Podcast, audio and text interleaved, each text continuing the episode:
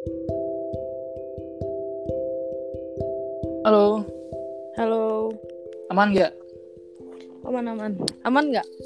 Suara? Oke, oke, oke. Kita mulai aja ya. Oke. Bismillah. Eh, Oke, oke. Halo teman-teman semuanya. Eh, baik minggu ini, minjam deh. Minggu ini kita eh, kedatangan narasumber seorang eh, presiden mahasiswa sebuah kampus di Bandung. Eh, sebuah informasi juga kami buat podcast ini di jam 12 malam lewat karena dia sibuk. Ya begitulah. Gila sih dia sumpah. Eh namanya aku manggilnya Alit sih tapi nanti dia akan memperkenalkan dirinya sendiri. S- sebelumnya kamu itu dulu Dit, apa? Say hello dulu sama teman-teman yang dengerin. Oke, halo teman-teman semuanya. Lagi sibuk apa? Lagi bikin podcast. Astagfirullah Allah. Serius, to- tolong tolong kamu serius tolong. Oke, jadi kalau lagi sibuk ya lagi sibuk di BEM aja sih sekarang-sekarang mah. Lagi sibuk apa aja emang? Eh, karena sekarang kita ini lagi COVID ya, jadi Ya. program-program kerja sama agenda kegiatan lagi disusun ulang biar bisa tetap terlaksana walaupun melalui media daring dan gimana Hmm. caranya sekarang kita juga tetap bantu-bantu dalam kondisi sekarang ini. Hmm, ada kendala apa sih eh, dari dari programnya yang diubah jadi daring itu? Jadi emang karena sekarang kita semuanya melalui media ya, ada banyak Ya. banget tantangan emang mulai dari komunikasi jarak jauh, terus juga teman-teman harus bagi waktu dengan kuliah dan tugasnya masing-masing, dan juga gimana caranya eh, kita tetap turun di lapangan eh, di kampus itu juga jadi tantangan sih karena ada ya kita juga di sini Politeknik Kesejahteraan Sosial Bandung di bawah Kementerian Sosial ya, jadi kita juga lagi berupaya sama Kementerian Sosial bisa biar bisa turun langsung di lapangan dalam menangani kasus ini. Jadi kita harus bisa banget bagi waktu deh. Gitu sih tantangannya sekarang. Hmm, oke oke.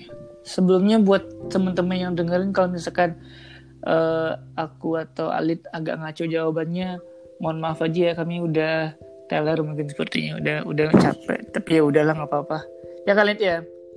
buat yang Bener banget nih. Buat- eh, buat yang dengerin kita bikinnya tengah malam banget ini. Iya makanya yang buat dengerin enjoy aja semoga ada yang bisa diambil. Oke kita lanjutkan saudari Alit. Ya. Eh, apa ya di awal aku mau ngasih per- eh, pertanyaan yang mudah-mudah dulu aja. Ya. Sia. Kenapa kamu mau jadi presma? Kenapa aku mau jadi presma? Aduh berat banget ini ya pertanyaannya ya. Mudah loh itu belum belum gimana gimana. Sebenarnya kalau dibilang kenapa pengen jadi presma, aku pengen aja sih gimana di mana aku berada bisa lebih bermanfaat. Sebenarnya kalau bisa bermanfaat itu nggak hanya jadi presma aja ya. Cuman kalau kita punya legitimasi buat bisa bantu orang lebih banyak, kenapa kita nggak ngelakuin itu gitu kan? Dan eh, aku ngerasain karena dari kecil juga sering ikut organisasi dan lain sebagainya emang lewat organisasi kita punya wadah yang eh, lebih memudahkan kita buat bisa eh, terhubung ke banyak orang buat bisa saling bantu dan belajar banyak hal kayak gitu sih Hmm. Bisa aku kerucutkan lagi, kenapa Presma BEM? Kan tadi kamu bilang bisa bermanfaat. Kenapa kamu milihnya Presma BEM? Kenapa nggak eh, kegiatan lain atau di luar kampus ada sebagainya? Kan banyak juga. Kenapa Presma BEM Poltek Esos kan ya? ya betul Poltek banget Esos. Poltek Esos Bandus. Oke kenapa Presma BEM gitu ya? Karena emang Mm-mm. lingkungan terdekat adalah eh, apa namanya yang pertama harus kita perhatikan. Ya sebelum kita ke masyarakat luas atau kita ke lingkungan lainnya juga di mana tempat kita berada ya mungkin kita di sana dulu bisa eh, maksimalkan manfaat yang kita punya dari diri kita gitu kan. Nah ketika aku kuliah di Poltek Esos ada BEM sebagai organisasi utama yang bisa bantu banyak mahasiswa dan terhubung ke lembaga juga ya aku pilih wadah itu buat bisa bermanfaat. Gitu. Hmm.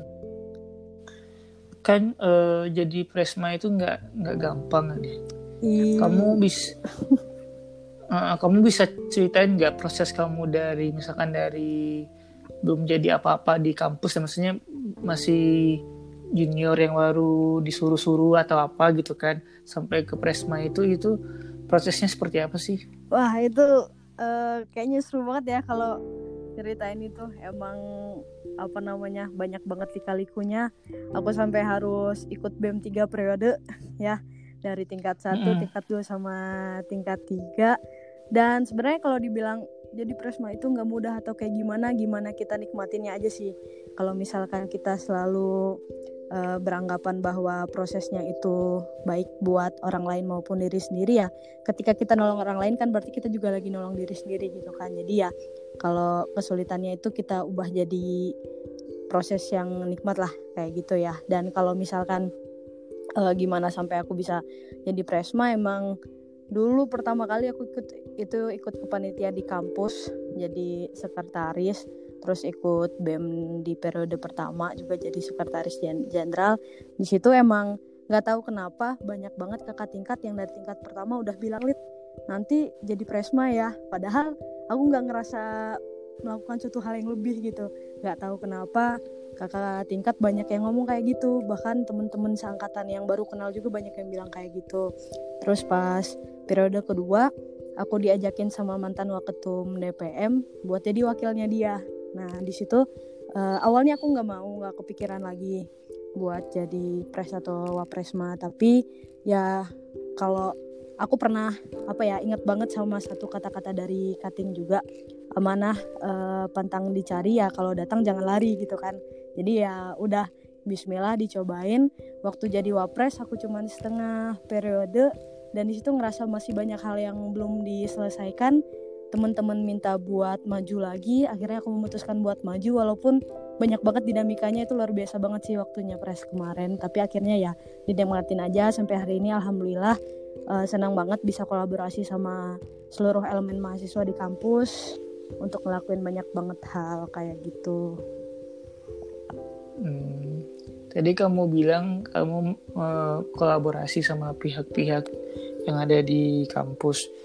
Waktu kamu menuju jadi presma itu ada apa namanya? ada yang menentang kamu maksudnya oposisi pihak yang kok uh, op oposisi sama atau mulus-mulus semuanya gitu. Oke, okay. ya kalau pas mau jadi presma benar-benar banyak sih sebenarnya yang gak setuju juga bahkan uh, untuk presentasi yang setuju waktu aku jadi wapres sama jadi presma itu lebih banyak yang setuju waktu aku jadi wapres banyak banget yang tentang hmm. waktu aku jadi mau jadi presma bahkan sahabat-sahabat aku sendiri tuh banyak banget yang nggak setuju karena aku presma itu sekarang sambil praktikum dan udah mau hmm. tingkat akhir gitu kan sedangkan yeah. budaya di kampus aku sendiri itu presma biasanya tingkat dua kayak gitu nah aku tuh bikin apa ya periode baru lah kayak gitu Nah, hmm. tapi apa namanya ya akhirnya teman-teman ketika udah kepilih juga tetap support dan jalan bareng-bareng lagi kayak gitu.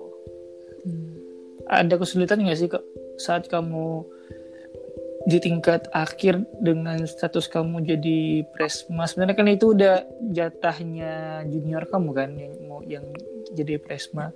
Kalau tantangannya apa bener-bener. Kalau ngikutin budaya di kampus sih kayak gitu ya. E, biasanya itu harusnya tingkat dua gitu kan. Sedangkan sekarang aku nggak tantangan baru uh, jadi presma tapi tetap praktikum. Kalau dibilang ada kesulitan kalau kita ngerasa itu kesulitan ya balik lagi kayak yang tadi sih bakal jadi kesulitan. Cuma tantangan ini aku nikmatin jadi emang proses belajar sih. Uh, di mana pas kemarin sebelum corona corona nih apalagi aku lagi praktikum satu dan itu harus bolak balik dari dagu ke penyilekan tiap hari. Tapi itu seru banget sih jadi ngelatih fisik juga sama otak juga kayak gitu harus ngerjain uh, praktikum terus juga harus melaksanakan praktikum harus ngerjain BEM terus aku juga jadi koordinator kota di uh, kegiatan praktikum tapi itu benar-benar apa ya melatih soft skill banget sih hmm, eh. kita boleh apa namanya kita agak geser sedikit ya oh, iya. aku mau nanya terkait corona juga. Gimana sih Lid kondisi ke, uh, keadaan di Bandung yang Bandung sekarang gimana sih keadaannya? Bandung sekarang ya? Ya mungkin kalau hmm. misalkan kita bisa lihat berita Jawa Barat itu tertinggi kedua ya setelah uh, DKI Jakarta. Nah, uh, salah hmm. satunya itu yang paling tinggi di Bandung. Tapi emang kebetulan uh, aku masih bolak-balik kampus nih tiap hari dan ngeliat kan di jalanan kayak gimana. Kalau misalkan yang aku lihat sih orang Bandung itu lumayan disiplin sih walaupun dibilang nggak terlalu sepi tapi untuk Bandung ini udah cukup sepi menurut aku. Jadi teman-teman banyak yang menerapkan WFH terus di rumah aja kegiatan di rumah belajar di rumah bekerja di rumah itu semuanya uh, banyak yang menerapkan. Mungkin yang rame itu ya swalayan untuk beli makanan sehari-hari uh, dari setiap keluarga kayak gitu. Terus kayak beberapa jalanan di Bandung juga kan emang udah ditutup dari beberapa uh, hari bahkan minggu yang lalu kayak gitu Bandung, Bandung udah statusnya apa sih? Merah, hijau atau apa ya? Hijau kalau nggak salah. Uh, Bandung. Zona. Uh, ada ada red zone-nya. Ada yang red zone juga ada di beberapa titik sih.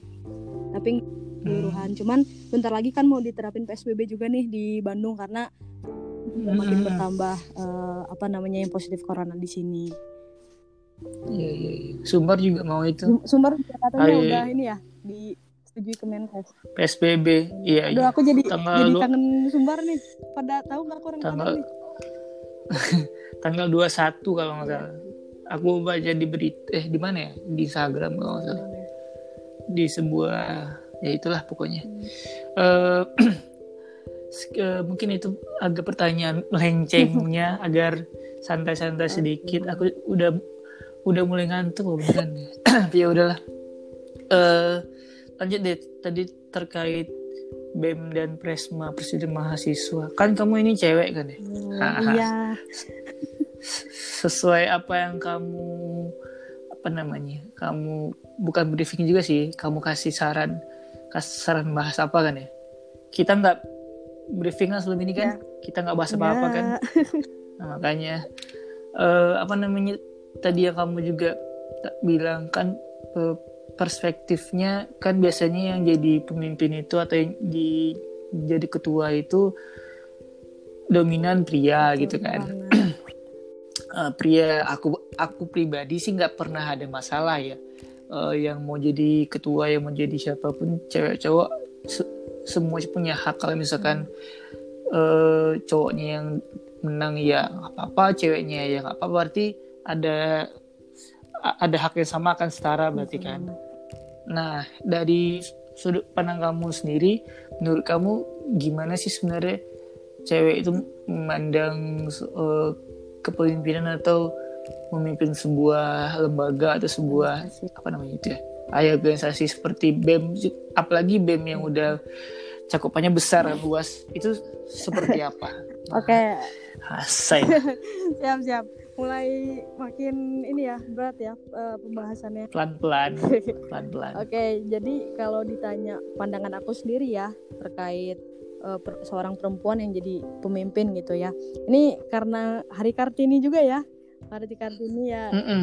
apa namanya kita oh, iya. harus ingat sama perjuangan ya apa era kartini dulu supaya perempuan itu tidak lagi terperangkap gitu kan bisa keluar dari zona-zona yang memenjarakan diri uh, seorang perempuan gitu kan. Dan aku di situ juga pengen ngehargain banget gitu perjuangan Kartini. Kenapa?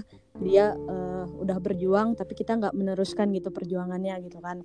Ya ini uh, apa namanya berkaitan gitu dengan posisi aku yang sekarang jadi pimpinan di sebuah organisasi gitu kan ya awalnya mungkin aku hmm. juga sempet ragu gitu ya kayak ya minder gitu kan uh, biasanya pemimpin itu cowok terus juga lebih dipercaya dan lain sebagainya aku juga takut kalau ada beberapa atau sekelompok orang yang uh, mungkin nggak setuju gitu kalau dipimpin sama seorang perempuan tapi balik lagi sih yeah. Iya. uh, aku ke apa namanya prinsip bahwasanya ya siapa yang apa namanya berniat ikhlas tulus dan mau ya kenapa enggak gitu kan. Dan kalau emang teman-teman percaya uh, kalau ke aku pribadi ya di BEM gitu kalau teman-teman percaya ya ayo let's go gitu kan. Uh, kenapa enggak gitu.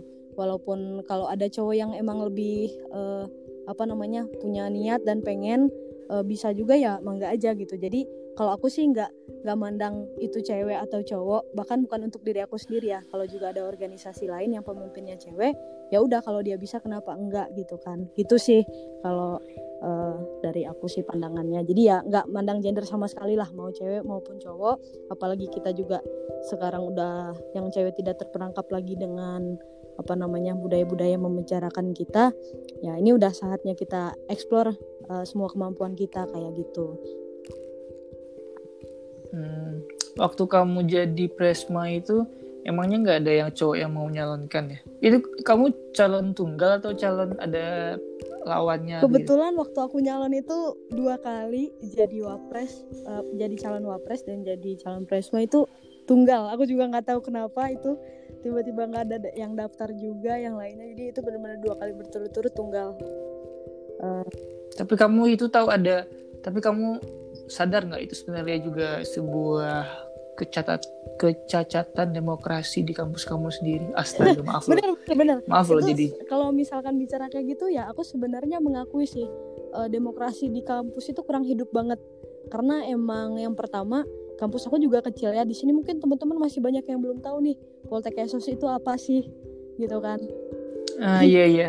Nanti kita bahas tentang itunya. Poltek Esos tapi bahas dulu dia boleh boleh Nah okay, itu lanjut. masih banyak yang belum tahu gitu kan dan emang kampus kita tuh kampus yang kecil, uh, mahasiswanya juga sedikit. Mungkin orang banyak yang memandang uh, BEM ini masih apa namanya tidak jauh dari osis gitu kan. Padahal ya mungkin pergerakannya uh -uh. berbeda gitu kan.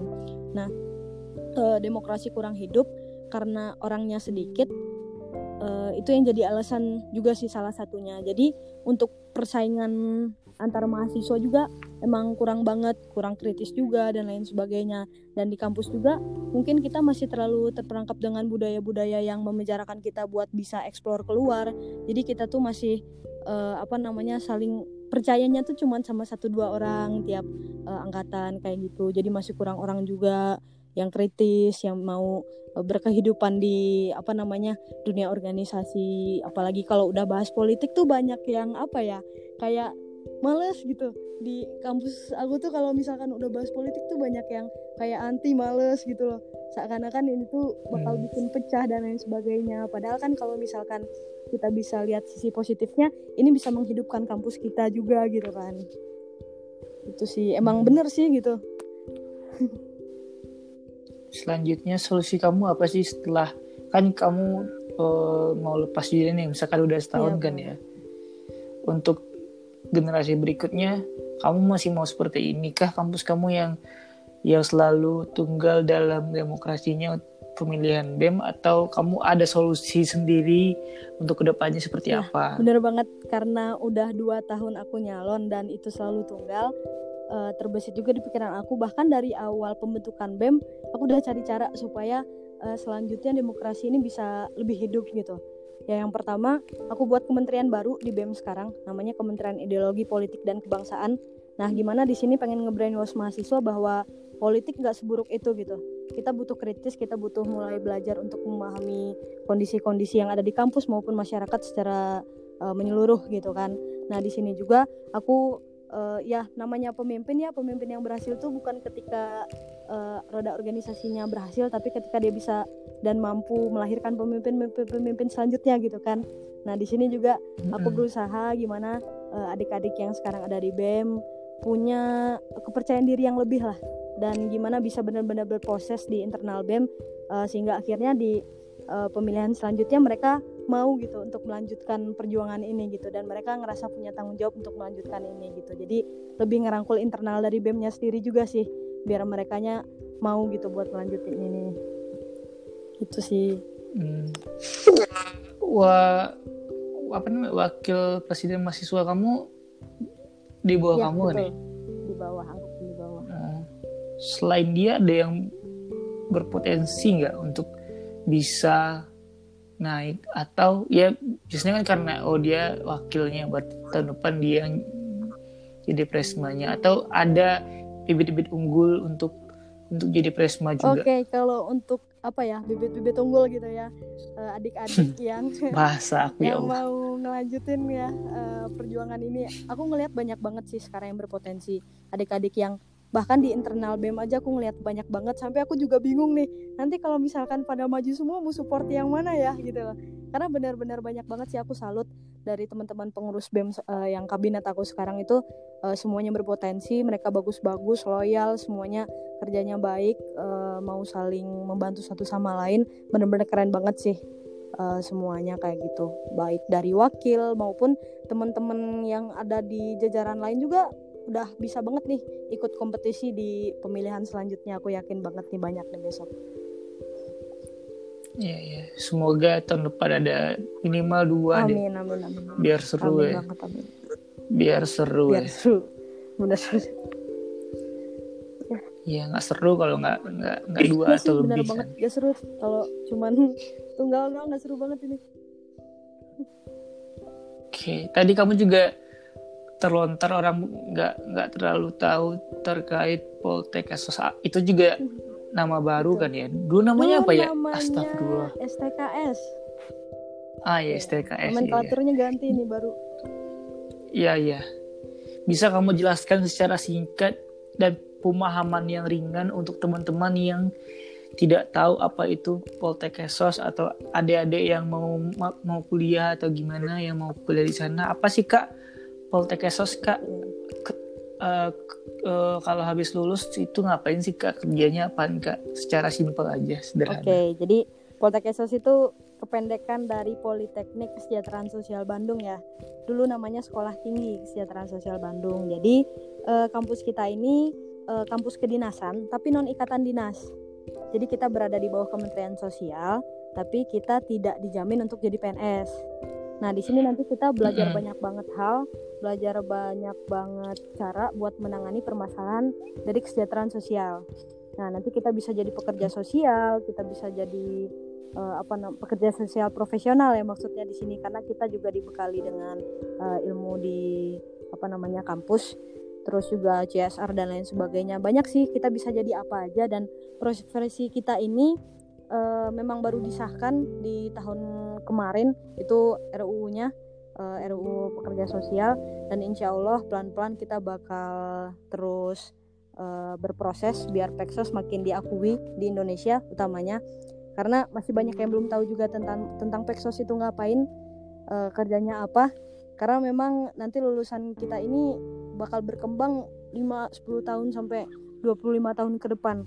Karena kalau kita ngelihat zaman sekarang banyak banget profesi-profesi yang bisa digantiin sama teknologi.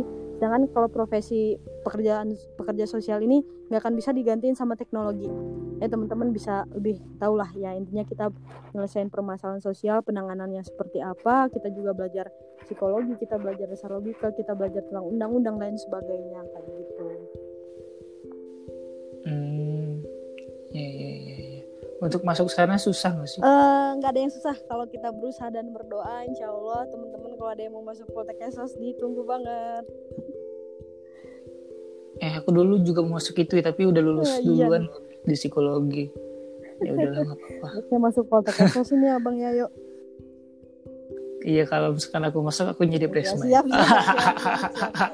Oke oke ya. enggak. Enggak, enggak, enggak bercanda, bercanda. Wadaw. Aduh. Baik, kamu ada keresahan nggak sih sebenarnya untuk untuk wanita di khususnya untuk wanita yang yang masih nganggap mereka itu nggak nggak pantas berada di pucuk pimpinan atau ngambil ngambil apa namanya? Ngambil kayak misalkan jadi menteri kan pos-pos yang strategis itu kan mereka masih nggak nggak pede sama kemampuan mereka. Padahal di di belakang layar mereka sangat luar biasa. Itu menurut kamu gimana sih biar mereka itu bisa yakin bisa percaya diri sama kemampuan mereka untuk bisa eksekusi hal yang susah mungkin Oke. sepertinya? Kalau jadi keresahan sih sebenarnya enggak menurut aku. Karena eh, setiap orang pasti punya cara dan jalannya masing-masing kan ya buat bisa nge-explore kemampuannya masing-masing. Cuman emang apa namanya buat temen-temen di sekitar aku, teman-teman cewek ya eh, khususnya yang emang berpotensi tapi mereka nggak mau menggali itu karena belum nyoba. Ya aku di sini cuma berusaha buat pelan-pelan ajakin mereka biar bisa terjun eh, dan memulai karena emang yang paling susah itu kan sebenarnya memulai nah ketika mereka Mm-mm. udah memulai insya Allah mereka bakal ketagihan gitu nah jadi kalau buat ya sekalian sih Hmm. pesen nih buat temen-temen yang perempuan yang punya kemampuan atau yang temen-temen sebenarnya di balik layar suka nulis suka apa pun itu tapi nggak bisa nggak pernah diekspos ya coba eh, untuk apa ya memulai gitu karena itu sih hal utamanya karena belum memulai aja sih gitu jadi tapi kalau misalkan buat memaksa teman-teman oh harus semuanya harus diekspos dan lain sebagainya ya aku percaya karena setiap orang punya Hmm. cara dan eh, jalannya masing-masing sih kayak gitu jadi nggak harus juga setiap orang yang punya eh, apa kemampuan harus diekspos kayak gitu Oke. Kembali ke tadi yang aku tanya. Kamu pribadi deh, kamu pribadi punya pasti dong pasti punya ada keresahan tentang eh, terkait organisasi. Apa sih keresahan kamu yang paling apa ya namanya? Paling hmm, susah untuk di di belum ada pemecahannya pemecahannya apa sih? Ya, aku udah ngantuk ya. Udahlah, lanjutlah. Udah ngantuk ini abang ya nanya udah ngantuk Iya, jadi kalau iya keresahan di aku organisasi ya mungkin yang masih jadi tantangan gitu ya yang Iya, masih iya, jadi oke, tantangan oke. sebenarnya gimana bisa nyatuin ma- macam-macam karakteristik orang yang berbeda-beda sih ketika kita udah berusaha Hmm. untuk memposisikan diri sebagai orang lain kan belum tentu semua orang bisa megang prinsip itu gitu kan dan belum tentu ya Mm-mm. ketika apalagi aku memimpin sebuah organisasi gitu kan aku harus ngerangkul teman-teman yang ada di organisasi khususnya BEM gitu kan. Gimana bukan hanya aku yang bisa memahami mereka atau mereka memahami aku tapi sesama anggota pun harus bisa saling memahami gitu kan. Nah ini sih yang masih jadi tantangan gitu gimana caranya kita bisa ngajakin eh, orang-orang di dalam organisasi buat bisa tetap profesional dalam menjalankan setiap eh, tupoksinya eh, tanpa eh, melihat perbedaan pandangan dan lain sebagainya kayak gitu kan jadi kalau misalkan ada orang yang udah ngerasa nggak cocok tuh udah males eh, kerja bareng nah yang kayak gitu kan kadang bikin eh, tersendat eh, jalannya organisasi gitu kan nah itu sih yang masih jadi tantangan buat terus dieksplor menurut aku Hmm. Jawabannya cukup aman. ya dong udah malam Oke. kan ini Eh, iya lagi. iya makanya. nanti kita bisa ngobrol-ngobrol Iya. Oh apa namanya? Hmm, tadi kita di, keluar dari organisasi tapi tetap tentang wanita Oh, iya. deh, tentang tentang perempuan. Tapi eh, sama. Hmm, menurut kamu di perempuan sendiri apa sih yang buat diri mereka itu apa namanya istilahnya ya? Insecure ya? insecure. Yang buat hmm, hmm, itu tuh apa sih yang buat diri mereka itu seperti itu dan caranya gimana sih buat mereka itu pede sama diri mereka untuk ngelakuin bukan untuk jadi pemimpin tapi ngelakuin apa hal yang mereka sukai gitu. Oke, jadi apa sih yang buat eh, cewek-cewek ini tuh masih pada banyak yang insecure gitu ya? Mm-mm. Sebenarnya eh, mereka tuh harus sering-sering menurut aku ya, karena kan pasti tiap orang punya cara yang berbeda-beda juga kan ya.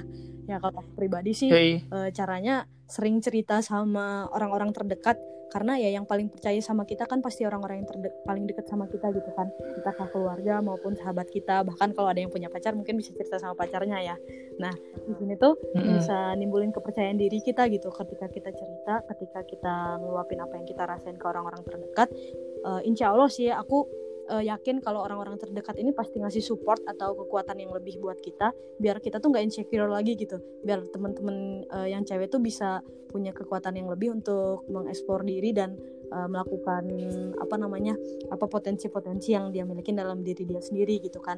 Dan apalagi orang terdekat pasti bisa ngeliat gitu kan kira-kira kita tuh sebenarnya bisa apa sih kemampuan kita tuh apa dia insya Allah orang-orang terdekat pasti bisa lihat itu dan bisa eh, bantu kita buat ngembangin itu itu sih yang paling simple menurut aku tapi sangat berpengaruh buat diri kita Hmm. Iya, iya. Kan kita, oh iya.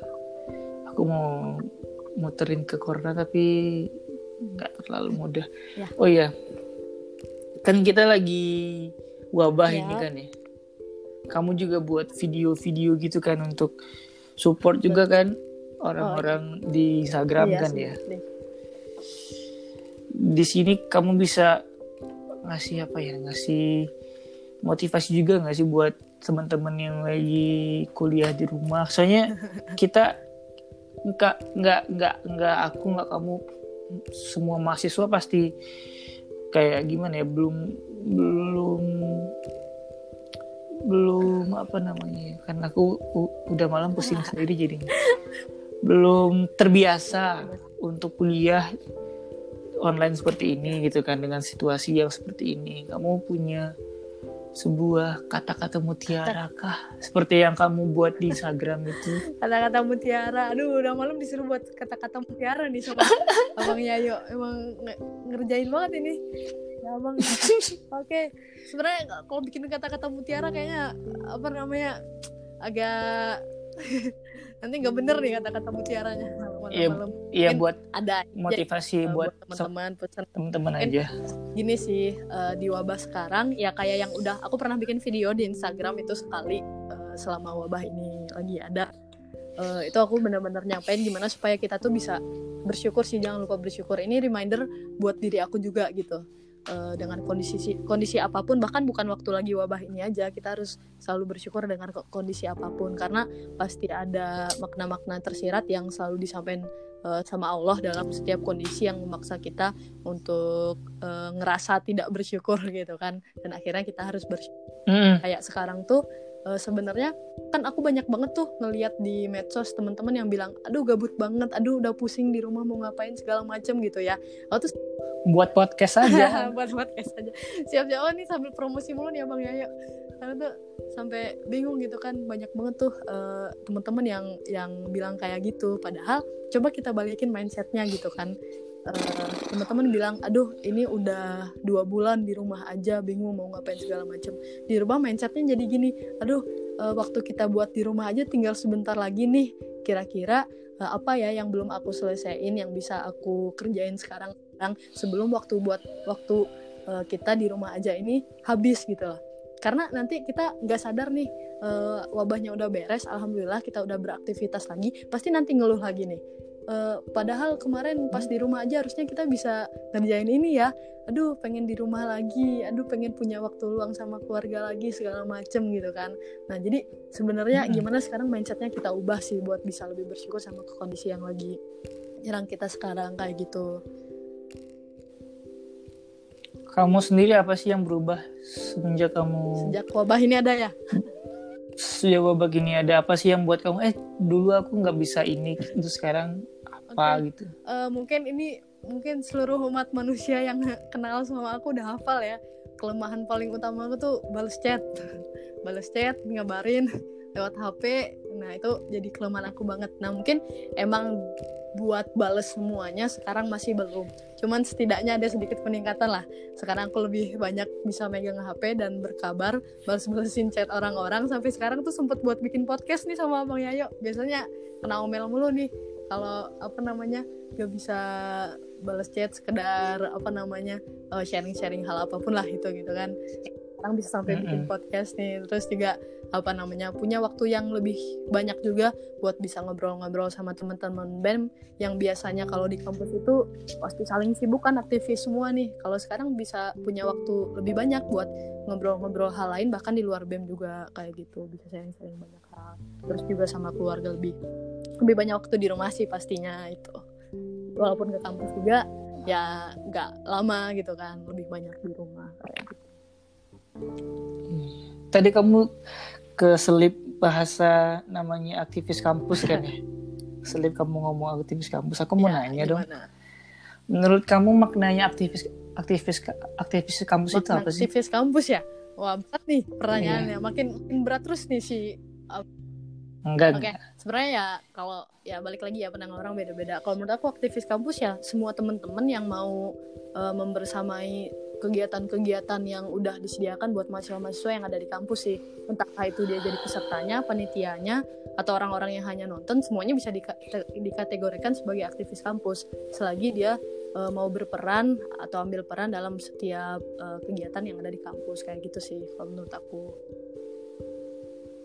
Hmm. Iya. Iya iya iya. iya. Oh iya apa namanya? Kamu ada hal yang mau dibahas nggak sih Gimana? Sama teman-teman yang mau dengerin ini? Aku udah mau itu mau ke closing statement tapi mau nanya lagi ada nggak hal-hal yang mau kamu Jelasin. bi- bicara jelasin tentang apa gitu yang belum aku tanyain bisa kamu jelasin buat teman-teman yang dengerin. Oke, buat eh, teman-teman ya semuanya tuh apa ya? Eh, mungkin di sini tadi Bang Yayo nanya-nanya tentang pengalaman aku, pendapat aku dan lain sebagainya gitu kan.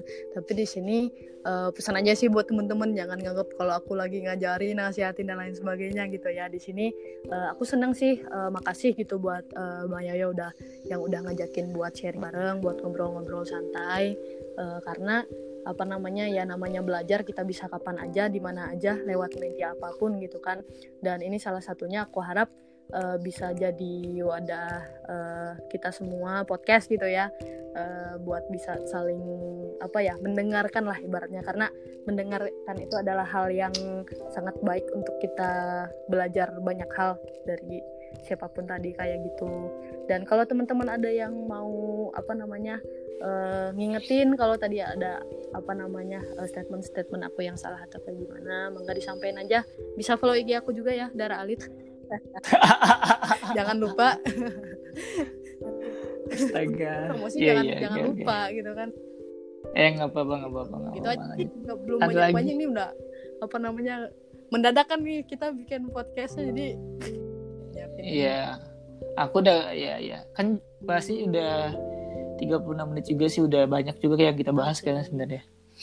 Udah cukup lah sebenarnya untuk teman-teman yang mau dengerin bacotan kita di jam teman-teman sekali lagi kami Jam. buat ini tengah malam jam 00.53. Jadi up jadi up, kalau misalkan ada obrolan kami yang kurang masuk dia masuk akal 50-nya mohon aja maaf ya. aja ya kami ngantuk ini beneran deh sumpah oh ya buat teman-teman yang mau dengerin juga ini buat teman-teman alit juga yang dengerin ini bisa dengerinnya di Spotify Apple Podcast sama Google Podcast ya Oke. alit ya Nanti jangan lupa di share sama teman-temannya Eh, kita udah di Penghujung penghujung acara. acara, acara kali penghujung ya. pengu- penghujung podcast ini tadi kayaknya kamu udah kayak closing statement tapi kayaknya itu nggak aku anggap Closing statement. closing statement deh itu nggak aku anggap biasanya aku belum mempersilahkan kamu buat closing statement Iya. Sekarang aku persilahkan kamu untuk closing statement apa pun bebas tidak ada yang spesifik Eh, apa ya buat kita semua eh, para umat manusia ya yang masih berkehidupan di planet bumi nih, apa namanya? Mungkin eh, supaya kita bisa sama-sama ingat. eh, aku udah bilang sih tadi kalau bersyukur itu adalah hal yang paling penting dan teman-teman eh, tadi sempat bahas tentang insecure dan lain sebagainya. Di sini eh, aku pengen ngingetin aja bahwasanya kita semua tuh punya kesempatan yang sama buat belajar, berproses dan ambil peran apa pun itu di dunia. Jadi jangan pernah eh, teman-teman buat gak percaya diri, bahkan gak percaya ba- sama kemampuan yang teman-teman udah milikin dan itu terbukti di diri teman-teman sendiri. Eh, dan buat cewek-cewek nih, eh, ciwi-ciwi, cewek-cewek, perempuan-perempuan yang ada di Indonesia khususnya, eh, mari kita lanjutkan perjuangan Kartini. Jangan sampai kita apa namanya direndahkan dan lain sebagainya. Eh, hal-hal baik apa pun itu buat cewek maupun cowok juga jangan pernah takut untuk melakukan hal yang bahkan dianggap buruk sama orang lain. Tapi yang kita lakukan itu baik dan eh, apa namanya tulus kayak gitu. Jadi ya mungkin orang-orang nggak tahu perjuangan kita kayak gimana niat kita kayak gimana. Yang penting selagi itu benar dan baik eh, teman-teman tinggal buktiin aja kayak gitu. Nggak perlu takut sama omongan orang. Karena ya eh, apa peribahasa yang bilang kalau kita tuh nggak bisa kita tuh cuman pu- nggak punya banyak tangan buat nutup mulut orang satu-satu. Tapi kita cuman punya dua tangan buat nutup telinga kita dari omongan-omongan eh, buruk orang yang bisa menjatuhkan eh, apa kepercayaan diri kita kayak gitu Eh, semangat buat teman-teman semuanya eh, panjang umur hal-hal baik dan semangat buat seluruh wanita yang ada di Indonesia dan seluruh penjuru dunia. Oke, okay, thank you. Oke, okay, thank you Alit buat closing statementnya. Kita udah selesai closing statement berarti selesai juga podcast pada minggu ini. Aku antara minggu ini atau dua kali seminggu sih kayaknya. Udahlah, bodo amat. Pokoknya buat teman-teman yang dengerin, makasih juga buat yang udah dengerin sampai di menit akhir kami obrolan dengan seorang presiden mahasiswa Poltek Esos Bandung. makasih ya, Alit ya. Makasih uh, ya yuk. Ya semoga ya selanjutnya kita mau tidur ya, ya Lit. Udah ngantuk Lit. Udah ngantuk. Udah jam 0056 teman-teman yang mendengarkan pagi, siang, sore atau malam yang mendengarkan ini bebas kami udah mau kami udah ngantuk sekali lagi maaf ya Lita kalau misalkan ada kata-kataku yang ya. salah. Oke. Okay. Semoga wabah ini selesai, kita bisa beraktivitas seperti biasa. Sekali lagi makasih buat teman-teman yang udah dengerin podcast kami. Sampai jumpa di podcast berikutnya. Dadah, Dadah semuanya. Ya, Dadah, Thank you Dadah. banget. Bye. Bye.